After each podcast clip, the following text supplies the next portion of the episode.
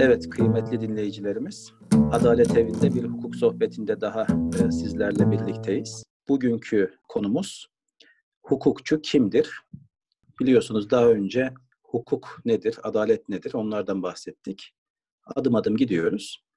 Bugün de asıl bu işlerin öznesi olan hukukçuyu e, işleyeceğiz. Hukukçu kimdir sorusunun cevabını birlikte arayacağız. Yani hukukçu demek hukuki vasıflarla donanan bir adam demektir, kadın demektir, insan demektir yani. Ee, öğrencilik yıllarımdan beri kullandığım bir tabir var. Hukuklu ve hukukçu tabirleri. Üniversite birinci sınıfta fakültede kitaplarımın e, ikinci sayfasının üst kısmına kitabın yazarı öğretim üyesi yazar ya. Ben de öğrenim üyesi olarak yazardım yani kendimi. Evet. Ee, yani kendimizi hukuklu olarak gördük hep. İnsanlar tabii belli bir şeyden sonra bize hukukçu demeye başladılar ama o zaman da biz hukukçu olmanın ne kadar zor bir şey olduğunu anladım yani. Evet. Ee, gerçekten hukukçu olabilmek birçok vasfı da beraberinde taşımayı gerektiriyor. Ben de yani uzun yıllardır kafamda oluşan bir hukukçu profili var. Benim kendi e, anlayışıma göre e, hukukçunun dört tane şartı birlikte taşıması gerekiyor. Birinci şart, hukukçu dediğimiz şahıs hukuku bilmelidir. Yani donanımlı olmalıdır. Yani işini bilmelidir. E, kısaca devam ettiğim zaman ikincisi e, hukukçu belli bir ahlak e, seviyesine sahip olmalı. Yani erdemli bir e, insan olmalıdır. Yani erdemsiz hukukçu olmaz. Evet. E, bu hukukçunun başat özelliğidir yani. Bilgi ve erdem çok önemlidir. Üçüncüsü hukukçu çalışkan olmalıdır. Yani devamlı kendini yenilemelidir gerek dil eğitimi olarak, gerek e, lisansüstü eğitimler olarak, gerek yapacağı okumalar, yazacağı kararlar.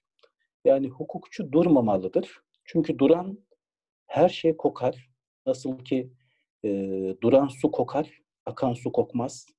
Hukukçu da devamlı akmalıdır, çalışmalıdır.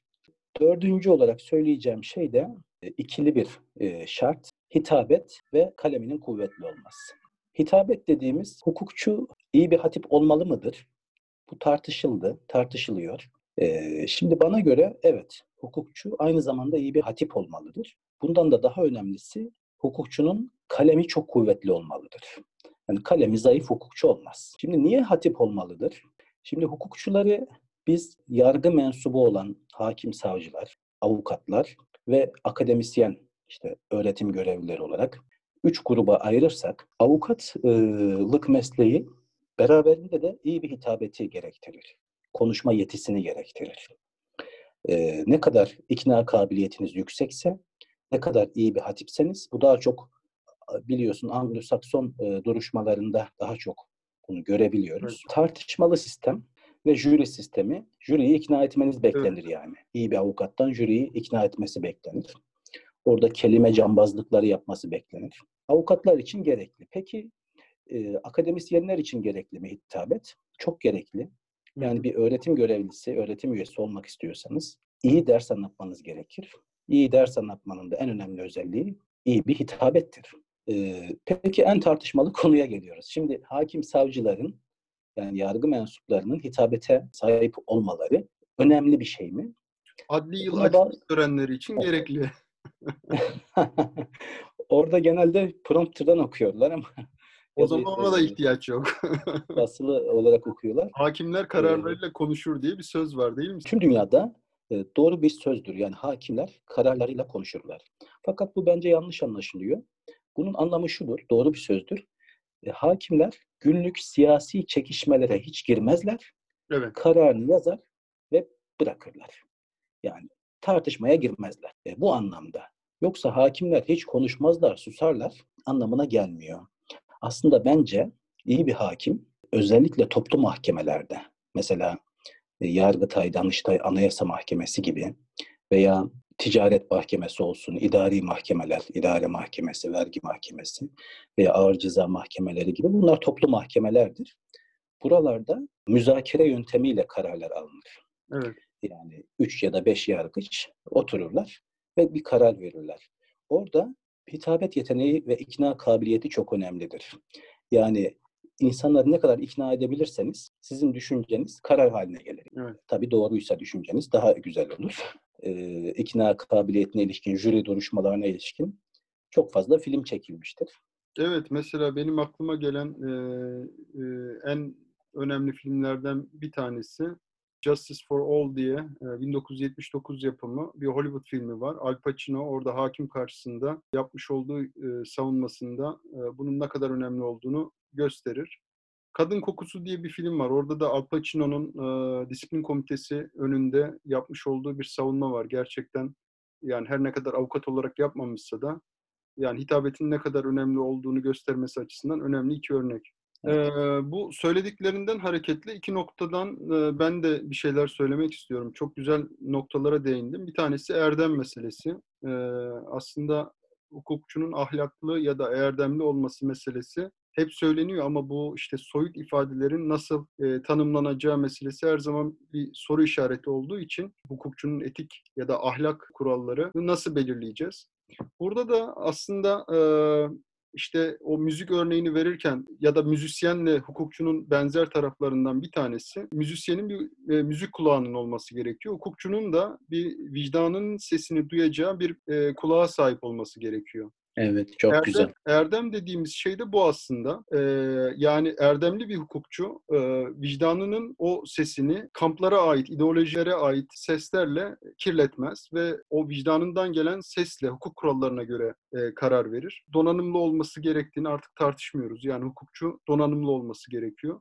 Fakat bu donanımlı hukukçunun erdemli olabilmesi için öncelikle ideolojilerden ve ön yargılardan sıyrılması gerekiyor. Kamplardan ayrılması gerekiyor. Çünkü hukuk, e, sosyal adaletin sağlanması, toplumdaki e, barışın sağlanması için e, bireylerin son başvurdukları merci. Bu kadar önemli. Hukukçu da avukat olsun, hakim olsun, savcı olsun, bilir kişi olsun hiç fark etmiyor bu. Vermiş oldukları mütalalarla, kararlarla toplumdaki barışın ve adaletin tesisinde önemli rol oynayan kişiler bunlar. Bir örnekle bu konuyu, iki örnekle daha doğrusu açıklamak istiyorum. Erdem konusunda Tabii. biraz daha tam yeri gelmişken e, söylemiş oluruz. Tarihte hukukçular eliyle yapılan birçok haksızlığı görmeniz mümkün. Bu dünya tarihinde ve Türkiye tarihinde hep olmuştur. Mesela Türkiye'de Menderes'in e, idam kararını hukukçular vermiştir. E, Nazi Almanya'sındaki hakim ve savcıları düşünelim. Çok çarpıcı bir örnek o dönemi düşünelim. Weimar dönemindeki ünlü hukukçulardır bunlar aslında. Aydınlanma çağını yaşamış, Alman e, hukuk sosyolojisini, felsefesini görmüş insanlar bunlar. Ama ideolojiler ve önyargıların kararttığı vicdanlarından gelen o sesler ya da ideolojilerin kararttığı o vicdandan çıkmayan sesler adaletten uzaklaşmalarına, erdemsizce hareket etmelerine neden olmuştur. Yani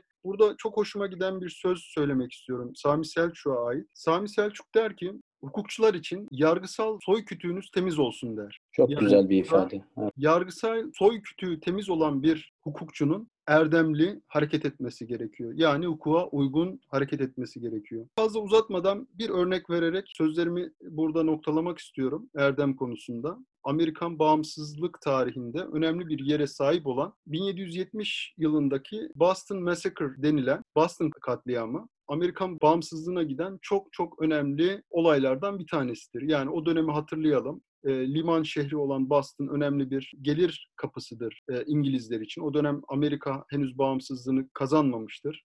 İngiltere'nin hakimiyeti altında bir toprak parçasıdır ve İngiliz kraliyetine ait bir vali tarafından yönetilir. Ve o dönemde Napolyon savaşlarına hazırlanan İngiltere'nin paraya ihtiyacı olduğu için valiler ağır vergilerle halkın ezilmesine neden olurlar ve halkta bir huzursuzluk adeta patlama noktasına gelir. Ve e, eski Old House önünde King Street'te bir kalabalığın toplandığı bir anda bu kalabalığı karşısındaki valiyi koruyan İngiliz askerleri hepsi konuşlanmıştır, silahları doludur doğrudur ama validen emir bekleyecek. Ateş emri verilmeden hiç kimse kalabalığa ateş etmeyecektir. Bu şekilde talimat alırlar. Talihsiz bir olay olur. Yangın çanları da aynı esnada çaldığı bir sıradır. Kalabalık arasında fire diye bir ses yükselir. Biliyorsunuz İngilizce'de fire hem ateş hem de e, yangın anlamına geliyor ve bunun üzerine evet. askerlerden bir tanesi silahını ateşler ve sivillerin ölümüne neden olur. Tabii o döneme düşünürseniz işte bağımsızlık ruhu, milliyetçiliğin e, tavan yaptığı bir dönem bu askerlerin idam edilmesini halk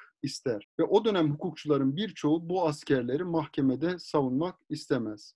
İşte orada bir hukukçu karşımıza çıkıyor. John Adams, Amerika'nın ikinci başkanıdır. Ee, özgürlük bildirisinde imzası olan kişidir. John Adams o dönemde bu askerlerin müdafasını kabul eder. Kabul ederken de şunu söyler. Der ki bu Amerikan topraklarında yaşayan her bir bireyin adil yargılanma hakkı var kim olursa olsun bu İngiliz askeri de olsa bu kişilerin bağımsız yargı karşısında adil olarak yargılanması gerekir ve ben bu yargılamalarda bu askerleri savunacağım der ve meşru müdafaa çerçevesinde çok hararetli savunmalarda bulunur. Adeta toplumu karşısına alır. Sonuç itibariyle askerlerden 6 tanesi zannediyorum beraat eder, iki tanesi mahkum olur. Yani e, John Adams o dönemde yargısal soy kütüğüne temiz bir sayfa bırakarak bu olayı kapatır.